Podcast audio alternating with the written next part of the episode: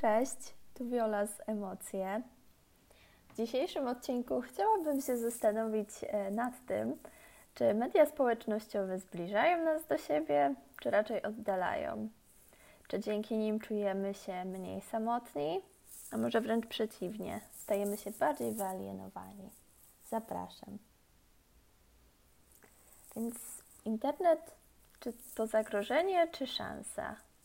Z jednej strony postęp technologiczny sprawił, że możemy pozostawać w kontakcie z osobami mieszkającymi nawet po drugiej stronie globu.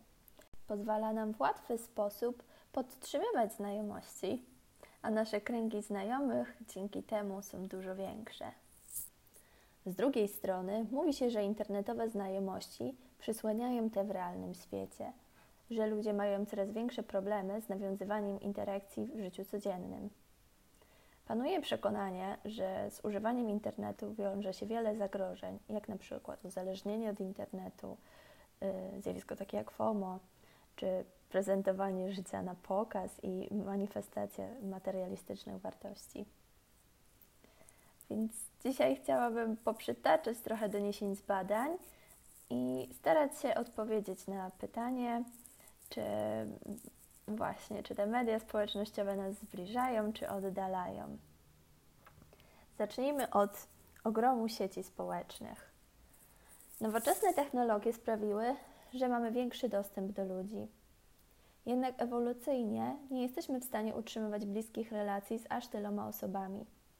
Jesteśmy wplątani w wielość różnych relacji. Poprzez zniesienie barier czasu i miejsca przyspieszone zostaje tempo nawiązywania i zacieśniania znajomości. Zachodzi jednak paradoks, gdzie nieustannie powiększa się krąg istotnych dla nas osób, ale nie starcza nam czasu dla przyjaciół, których się już ma. Każdą relację należy przecież pielęgnować i wymaga ona regularnych kontaktów i rozmów. Czasu niestety mamy mniej niż więcej. Nasze kręgi znajomych się powiększają, a sieci społeczne rozszerzają się, ale dzieje się to gdzieś tylko powierzchniowo. W pewien sposób kolekcjonujemy naszych znajomych poznanych na przestrzeni życia. Jak to jest, jeśli chodzi o liczbę znajomych, a poczucie wsparcia? Czy liczba znajomych na Facebooku czy followersów na Instagramie przekłada się w jakiś sposób na takie nasze prawdziwe poczucie wsparcia społecznego? Według badań Kim i Lee wcale tak nie jest. Możemy posiadać tysiąc znajomych w mediach społecznościowych, a wśród nich mieć tylko dwie satysfakcjonujące relacje. Możemy znów mieć 300 wirtualnych znajomych, a wśród nich 10 dobrych przyjaciół. Tu nie ma reguły. Badanie Jung-O, Oskaja i Laros wskazuje, że nie tyle chodzi o liczbę znajomych, co o ilość satysfakcjonujących z nimi interakcji, co skutkuje pozytywnym afektem, zwiększonym poczuciem bycia częścią wspólnoty, a w efekcie większą satysfakcją z życia. Z drugiej strony, bezsprzecznie Facebook i inne portale mediów społecznościowych zapewniają okazję do zwiększania łączności z innymi. Dzięki nim możemy łatwiej nawiązywać nowe i podtrzymywać istniejące kontakty. Posiadanie dużej ilości znajomych czy followersów daje nam natomiast duże potencjalne możliwości. Ze statystycznego punktu widzenia, im większa liczba znajomych, tym większe szanse posiadania wśród nich tych wspierających. W życiu internetowym jest trochę łatwiej nawiązać kontakt, bo zawsze można skomentować zdjęcie y, czy stories, w realnym życiu potrzeba trochę więcej zachodu. Gdzieś ci wspólni znajomi muszą nas zapoznać, jakieś okoliczności mają nas połączyć, żebyśmy kogoś poznali. Jest jednak pewne zjawisko, które sprawia, że mm, takie, takie nawiązywanie relacji poprzez komentowanie, y, poprzez tą aktywność internetową może być skuteczne. Według badania Roberts i David, lęk przed przegapieniem czegoś, czyli FOMO, sprawia, że jesteśmy bardziej zaangażowani w używanie mediów społecznościowych, więc angażujemy się w więcej relacji, bo mamy przy tym mniej kosztów i przez to zwiększamy swoje szanse, że któraś z tych relacji zaowocuje i przetrwa. Więc przez to zyskujemy więcej okazji do uzyskania wsparcia społecznego od innych. Może macie taką osobę, której nie znacie dobrze, która zawsze wspiera Was jakimś miłym komentarzem. Dalej zajmijmy się takim obszarem związanym z życiem na obczyźnie. Nowoczesne technologie umożliwiły nam łatwe podróżowanie i poznawanie ludzi na całym świecie, tak jak sobie to wcześniej powiedzieliśmy. Umożliwiają nam wyjazdy biznesowe, naukowe, a nawet związki na odległość. E, ciekawe badanie Li Peng sprawdzało, jak używanie mediów społecznościowych wpływa na międzynarodowych studentów, czyli osoby przyjeżdżające żyć na stałe do obcego kraju. Zwrócono uwagę na poziom postrzeganego wsparcia społecznego oraz stresu związanego z przystosowaniem się do życia w innej kulturze. Wynika z niego, że używanie mediów społecznościowych pozwala obniżyć stres związany z akulturyzacją poprzez zwiększenie poziomu postrzeganego wsparcia społecznego zarówno z ojczyzny, jak i kraju goszczącego. Samotność sama w sobie może być dobrym motywatorem. Samotność i niskie poczucie własnej wartości, które może utrudniać nawiązywanie kontaktów w normalnym życiu, sprawia, że częściej używamy mediów społecznościowych. Badanie Show i Grant udowadnia, że używanie mediów może zmniejszać poczucie osamotnienia i depresji oraz zwiększać postrzegane wsparcie społeczne i samoocenę. Inne badanie wskazuje, że sam fakt posiadania konta na Instagramie wiąże się z niższym poczuciem samotności, mniejszym lękiem i depresją oraz wyższym poczuciem własnej wartości. Czy wirtualne przyjaźnie dają w takim razie poczucie szczęścia?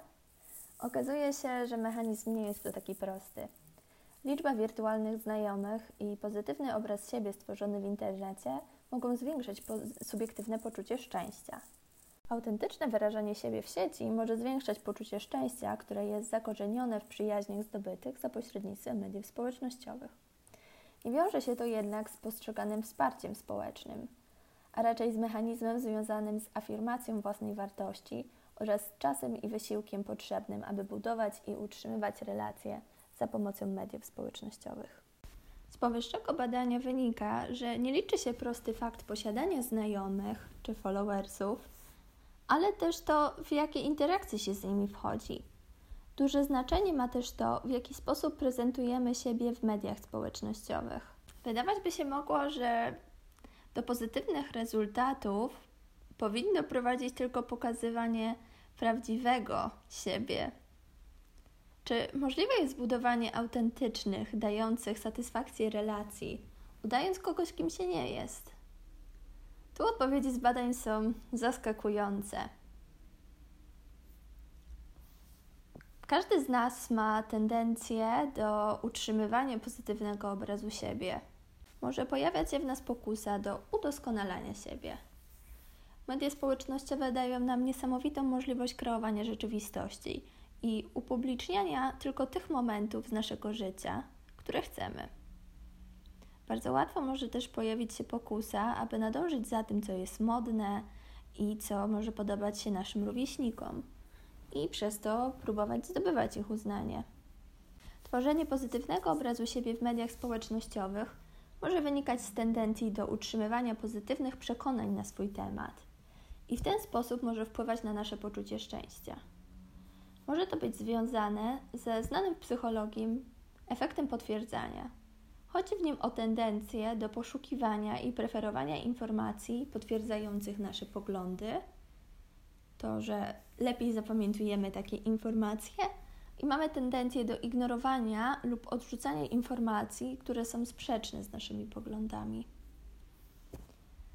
Więc wracając do tych wirtualnych przyjaciół, okazuje się, że ci wirtualni znajomi mogą tak samo dobrze zaspokajać nasze potrzeby społeczne, jak tradycyjni znajomi w realu. Dzieje się tak pod warunkiem, że będziemy z nimi szczerzy oraz poświęcali im wystarczająco dużo czasu i wysiłku na budowanie relacji. Jeśli chcemy czerpać wsparcie od wirtualnych znajomych, musimy być jednak gotowi o tą pomoc poprosić i być w stanie pokazać swoją prawdziwą twarz. A więc siebie i w radosnych, ale też w trudnych momentach. Jak się okazuje, prezentacja tego prawdziwego ja w mediach społecznościowych wiąże się z subiektywnym poczuciem dobrostanu, ale tylko kiedy uważamy, że potrzebę wsparcia społecznego zaspokajają wirtualni znajomi. A więc kiedy mamy wsparcie od tych wirtualnych znajomych, to jesteśmy gotowi pokazywać swoje prawdziwe ja i czerpiemy z tego radość. Idąc za tym, kolejne badanie ukazuje ciekawą ewentualność. Jeśli nasze poczucie posiadanego wsparcia społecznego jest wysokie, możemy wybrać, czy chcemy prezentować różnorodne aspekty naszego życia, czy tylko te godne pozazdroszczenia. Jeśli natomiast nasz poziom zaspokojenia potrzeby wsparcia społecznego nie jest wystarczający, mamy większą tendencję do dzielenia się swoim życiem takim, jakie jest, dobrymi i złymi momentami. Więc podsumowując ten kawałek, czerpiemy przyjemność z dzielenia się prawdziwym ja, jeżeli już mamy poczucie wsparcia od wirtualnych znajomych. Natomiast y, jeśli nie mamy zaspokojonej tej potrzeby, mamy większą potrzebę dzielenia się tym życiem takim, jakim jest, nawet jeśli są w nim te złe momenty. Z drugiej strony, osoby o niskiej samoocenie mogą być bardziej wrażliwe na wpływy rówieśników. Dlatego mogą wykazywać większą skłonność do podążania za tym, jakie normy i trendy wyznaczają ich rówieśnicy. Mogą też traktować lajki jako wskaźnik akceptacji i uprawomacniania ich działań. Mogą też mieć większe tendencje do publikowania treści, które według nich mogą zapewnić im uwagę innych. Mogą też postrzegać ilość lajków od znajomych jako prawdziwy wyznacznik lubienia i na tej podstawie szacować swój poziom wsparcia społecznego. Okazuje się jednak, że jest to bardzo zgubne. Poszukiwanie lajków osłabia poczucie przynależności do grupy rówieśniczej.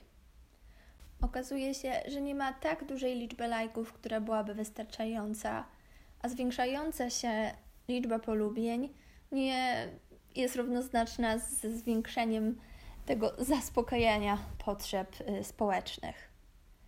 Nie jest również istotne, czy obracamy się w środowisku, które promuje instagramowy styl życia, czy nie. Okazuje się, że nawet jeśli nasi znajomi popierają taki styl życia i sami poszukują lajków, to wciąż osłabia nasze poczucie przynależności do grupy rówieśniczej. Może się więc okazać, że poprzez pogoń za wirtualnym poczuciem akceptacji zaniedbamy znaczące dla nas relacje. Może to prowadzić do nieszczerych zachowań i narażać istniejące już relacje. Chcąc za wszelką cenę utrzymać pozytywny obraz siebie w internecie, możemy wpaść w pułapkę i zacząć wątpić w wartość autentycznego siebie. Możemy zapomnieć, że to naturalne, że jak każdy mamy wady i zalety i że w naszym życiu napotykamy też trudności i negatywne emocje. I podsumowując, media społecznościowe mogą zapewniać nam poczucie wsparcia społecznego. Jednak to nie numerki się tu liczą. Jak w każdej relacji, musimy poświęcić swój czas i wysiłek na budowanie relacji. Co ciekawe, badania pokazują, że to stan posiadanego przez nas postrzeganego wsparcia społecznego decyduje, czy decydujemy się pokazać swoją ludzką twarz i dzielić się również tymi mniej godnymi pozazdroszczenia momentami. Osoby o niskiej samoocenie mogą być bardziej podatne za dążeniem do instagramowego stylu życia. Nasuwa się wniosek, że być może nie trzeba tak demonizować używania internetu i umniejszać wirtualnym znajomościom tylko ze względu na ich pochodzenie. Mogą być one tak samo satysfakcjonujące i zapewniać wsparcie, jak te powstające w realnym życiu. Wszystko pod warunkiem, że będziemy o nie dbać. Nie chodzi o sposób komunikacji, ale poświęcony czas i wysiłek. To do nas należy decyzja, jakie treści zamieszczamy w internecie. Prezentowanie siebie takiego, jakim jesteśmy, może być jednak bardzo wyzwalające. Pozwala nam bowiem budować lepsze relacje i nie wpadać w złudne poczucie akceptacji i uwagi, jakie dają lajki. Dziękuję Wam bardzo za odsłuchanie tego podcastu. Do usłyszenia. Cześć.